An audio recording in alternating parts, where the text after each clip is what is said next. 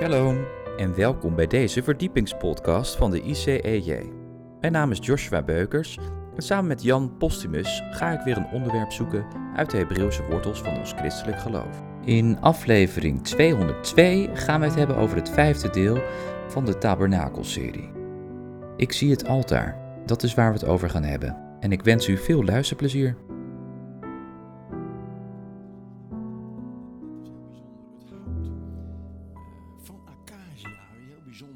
En dat werd overtrokken met koper.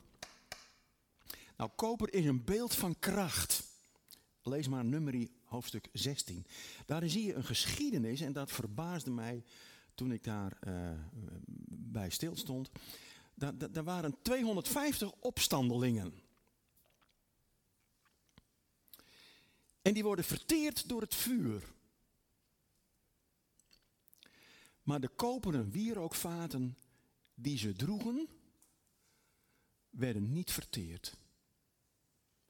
Nou, dat bevestigt mijn onderzoek naar hoe het dan toch dus mogelijk is en een wonder is dat dat brandofferaltaar van acaciahout verschrikkelijk hard houdt. Dat dat overdekt was met koper en niet verbrandde.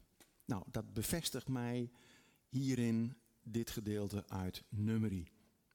Nou, met dat koper van die wierookvaten was het altaar overtrokken. Nou, wie had kracht om het oordeel van God te ondergaan? Jezus, de rechtvaardige zoon van God. Hij was mens, het hout en hij was ook God, het koper. Jezus, die doorstond dat.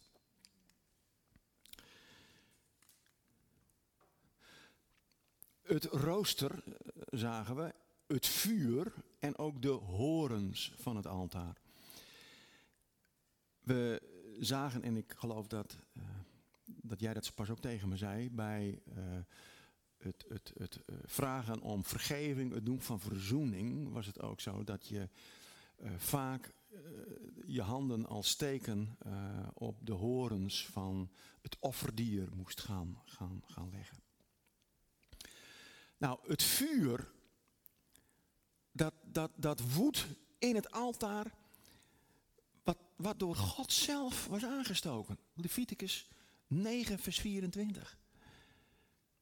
God stak het vuur van dat brandofferaltaar, stak God aan. Nou, de Israëliet, die, die, die, die, die, die, die zag dus die omheining, die witte reine omheining, die zag de wolkolom, de tegenwoordigheid van God daarboven het heilige der heiligen en boven de tabernakel. En hij zag ook het vuur en de rook van het offerlam. De Israëliet ziet zijn offerlam in zijn plaats. Hij had het eigenlijk verdiend. Maar het offerlam wat hij meebracht, onschuldig, gaaf. Het moest een gaaf dier zijn. Je mocht niet met rotzooi komen daar, want dan werd je teruggestuurd door de priester. Het moest een gaaf dier zijn. Nou, dat, dat, dat zie je ook terug in het Pesachfeest, in de viering van de seder, van het Pesach gebeuren. Wat ze namen als offerlam, dat was een eenjarig, goedgekeurd, gaaf lam. Je mocht niet met kreupeld spul aankomen. Waarvan je dacht van nou, ik kan wel een leuke schifting maken. Ik ruim mijn uh, manke dieren en weet ik wat op. En het mooie houd ik achter. Nee, het moest een rein, heilig, ongeschonden dier zijn. Nou, God is een verterend vuur, zegt Hebreeën hoofdstuk 12, vers 29.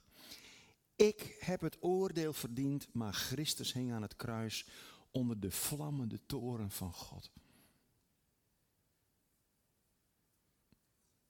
En hij riep het uit, mijn God, mijn God, waarom hebt gij mij verlaten?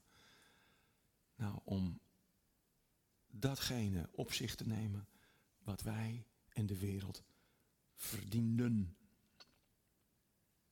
Hij, Jezus, werd tot zonde gemaakt, opdat wij zouden worden gerechtigheid van God in Hem, in Jezus. De horens, daar komen we nu. De horens van het altaar, die werden door dat offerdier, wat werd geslacht, daarbij uh, de binnenkomst in die tabernakel, bij het brandofferaltaar, werd geslacht. En de horens, die werden met bloed bestreken. En een hoorn is een beeld van kracht en macht. Kijk ook maar naar een stier bijvoorbeeld, die, die ook met zijn horens, uh, nou toch zekere kracht en macht openbaart. En het is wat dat betreft ook een beeld van een veilige vesting. Psalm 18, vers 3 beschrijft dat. De hoorn is ook een beeld van de kracht van het bloed van Jezus. Er is kracht in het bloed van het lam. Bloed is een beeld van onze ziel, van het leven. En daarom bidden we ook in de naam van Jezus, want aan die naam wordt kracht ontleend.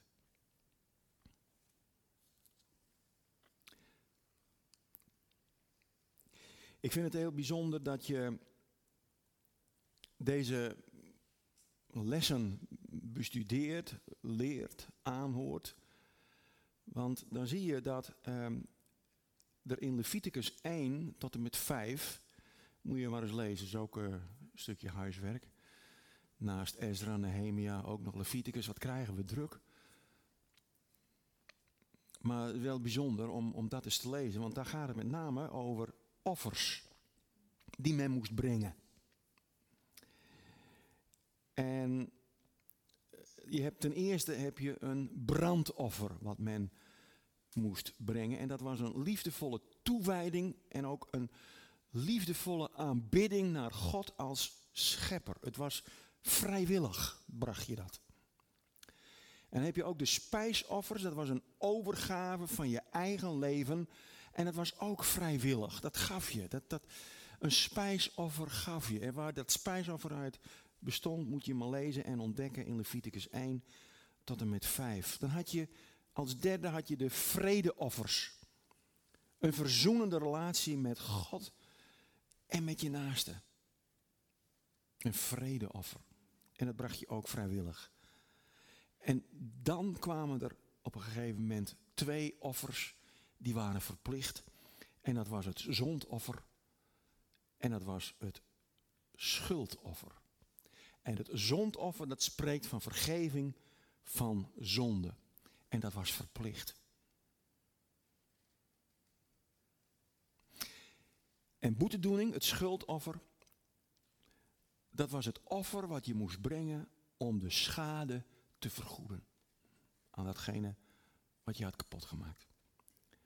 En dat was ook verplicht. En dat, dat, dat, moet, je, moet je voorstellen hoe, hoe, hoe druk bestaan die priesters en levieten hadden. Het was dag en nacht. En, en die hadden geen tijd om te zitten. Ze hadden geen stoel. Ze hadden geen stoel. Ze konden niet zitten. Het was een komende en gaande man en vrouw en slachtpartijen en weet ik wat allemaal. Zo moet je dat voorstellen. Het, het, het, dat moesten ze brengen.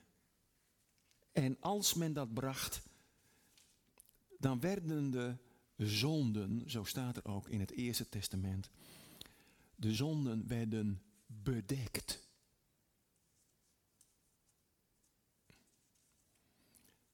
Maar door het offer van Jezus werden de zonden niet meer bedekt,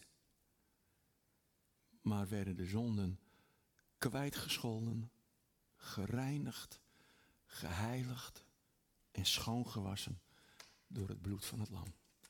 Dat is een verschil. In het Eerste Testament was, was, was de Messias er nog niet. Toen, toen werden de zonden die, die, die, die, die zonde moest je beleiden, jazeker. Jij vroeg nog van nou, uh, moest je dan ook naar elkaar toe? Jazeker. Als je de ander wat had aangedaan, dan, dan, dan, dan, dan zei de priester eh, die dienst had van eh, nu je hier komt met een offerlam. Nou, dat, dat, dat, dat wordt geofferd, het bloed, dat gaat je reinigen. Maar je gaat ook naar je buurman en je buurvrouw om, om het goed te maken. Wat jij ook zei, beleid daarom elkander je zonde en je zult vergeving ontvangen. En het bloed van Jezus reinigt van zonde en van alle ongerechtigheid. Dus beeld je eens in dat, dat, dat, dat dag en nacht, dat, dat, dat, dat brandofferaltaar brandde, rookte. Ja, dat ging nacht en dag door. Ja, dan, dan, dan, word je, dan, dan word je stil en dan zie je op een gegeven moment hoe, hoe wonderlijk het is dat, dat, dat God op een gegeven moment aan, nou noem het maar aan die slachtpartijen die men moest doen om überhaupt weer in de rechte en liefdevolle relatie met de Hemelse Vader te komen. Al die slachtpartijen werden dus op Jezus als het ware gelegd als het schuldoffer, als het brandoffer, als het spijsoffer, als het zondoffer. En dat, dat, dat is zo bijzonder. Nou, het Bijbelse offeren heeft te maken met een heilige God die onheilige mensen ontmoet. Johannes 3, vers 16. Bekende tekst. Want al zo lief had God deze wereld. Dat hij zijn enige geboren zoon gezonden heeft. Opdat een ieder die in hem gelooft niet verloren gaat. Maar eeuwig zal leven. Het grondprincipe is dat er zonder bloedstorting geen vergeving mogelijk is. Staat erin. Hebreeën hoofdstuk 9, vers 22. En rechtvaardigheid en recht doen is een karakter, karaktereigenschap van God. God wil recht en gerechtigheid in jou en mijn leven. En God wil ook recht en gerechtigheid in Israël en ook in de volkeren. Ook in Nederland recht en gerechtigheid. Hij eist min of meer van ons dat wij voldoen aan zijn eisen van rechtvaardigheid. En het loon dat de zonde geeft, staat er in de Bijbel, is de dood. Maar de genade die God schenkt, is in Christus Jezus onze Heer. Romeinen hoofdstuk zoveel. Ik moet even, denk ik, Of heb ik één? Deze was het, ja.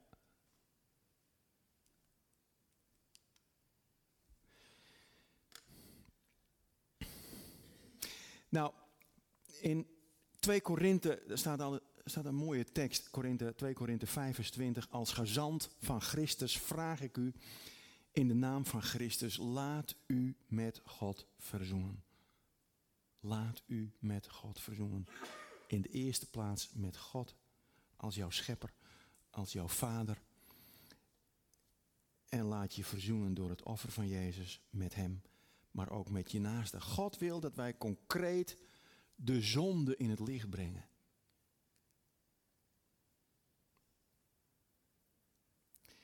En ja, ik constateer dat we, dat we binnen kerken en gemeentes heel globaal zijn geworden als het gaat om het beleiden van zonde. En, en, en eigenlijk mag je dat bijna niet meer, uh, niet meer hardop zeggen.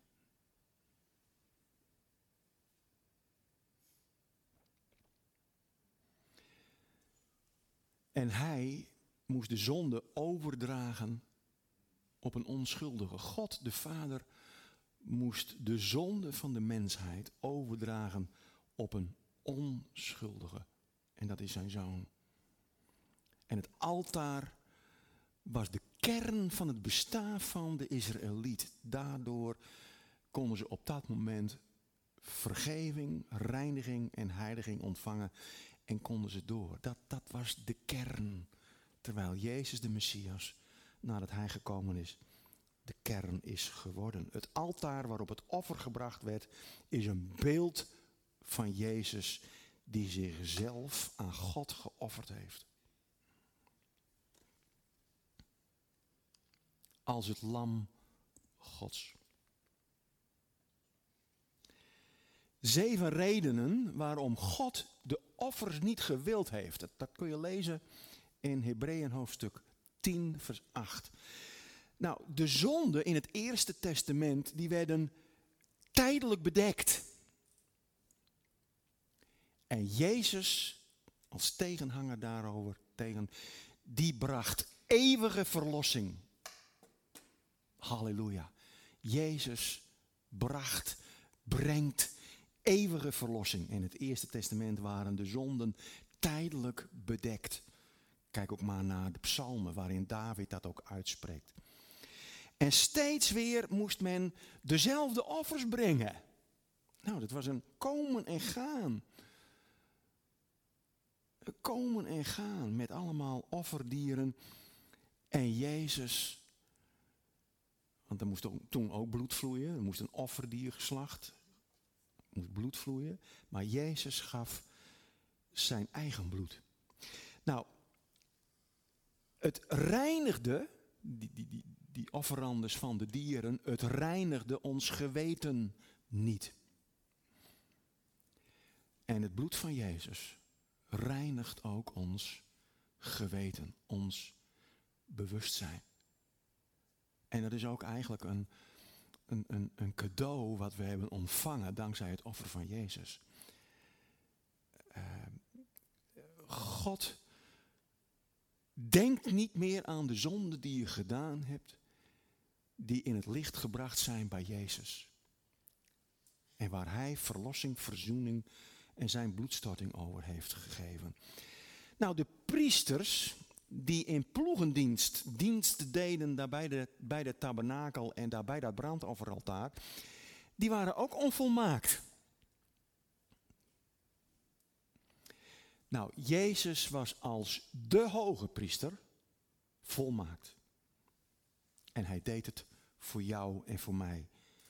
Nou, de offers in het Eerste Testament, zoals we in die vijf offers hebben gezien, die konden de macht van de zonde niet verbreken. Jezus deed dat.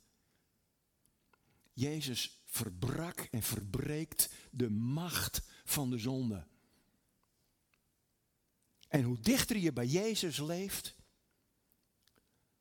hoe minder kans de zonde uh, vat krijgt in en op jouw leven. Dat is een, dat, dat is een waarheid. Nou, de offers die konden je niet tot volmaaktheid brengen. Jezus wel. Nou, we hebben al gezegd, de priesters, daar bij dat brandofferaltaar, er was geen stoel, ze konden niet zitten, ze stonden. En Jezus zit als hoge priester nu aan de rechterhand van de Vader. Hij heeft aan het kruis van Golgotha gezegd, het is volbracht. En hij zit aan de rechterhand van de Vader. En dan komt mijn laatste slide. Er is in Jezus, als het ware, een volkomen rust. En dat bid ik je toe, ook vanavond. De Heere Jezus, Hij zit, Hij rust aan de rechterhand van de Vader. En Hij wacht op het zijn van de Hemelse Vader nou is het your time. Nou mag jij gaan naar deze wereld en koning worden over Israël en de wereld. Hij heeft aan het kruis na drie uur van bitter lijden het uitgeroepen. Het is volbracht met een hoofdletter. Nou, nog even twee dingen naast elkaar van hoe het vroeger was en hoe het nu is. Vroeger hadden we te maken met een aardse priester. Nu hebben we te maken met Jezus als de hemelse priester. Sterker nog, hij is hoge priester. Vroeger hadden we te maken met dierlijke offers. Jezus is nu het lam van God als offer gebracht. Vroeger moest je veel offers brengen. Nu is één offer van Jezus voldoende om jou te heiligen, te reinigen en te rechtvaardigen voor God, de Vader. Vroeger stond men, nu zit de Hemelse Vader met naast zich zijn zoon. Vroeger was het nooit klaar. Nu is het eeuwig volbracht. Vroeger werden de zonden niet weggenomen. Ze werden bedekt. En nu zijn ze weggenomen en geheiligd door zijn offer. Vroeger was er een tijdelijke vergeving. En nu is er een vergeving voor eens en voor altijd. Dankzij het Lam Gods. Wat de zonde van de wereld weggenomen heeft. Amen. Bedankt voor het luisteren naar deze verdiepingspodcast van de ICEJ. Waardeert u onze podcast? Steun ons dan. Dat kunt u doen door een donatie of door deze podcast te delen met uw vrienden of familie. Meer informatie hierover vindt u op icej.nl. Volgende week volgt er uiteraard weer een nieuwe aflevering van deze verdiepingspodcast. Luistert u weer met ons mee? Ik hoop van wel. Bedankt voor het luisteren en tot volgende week.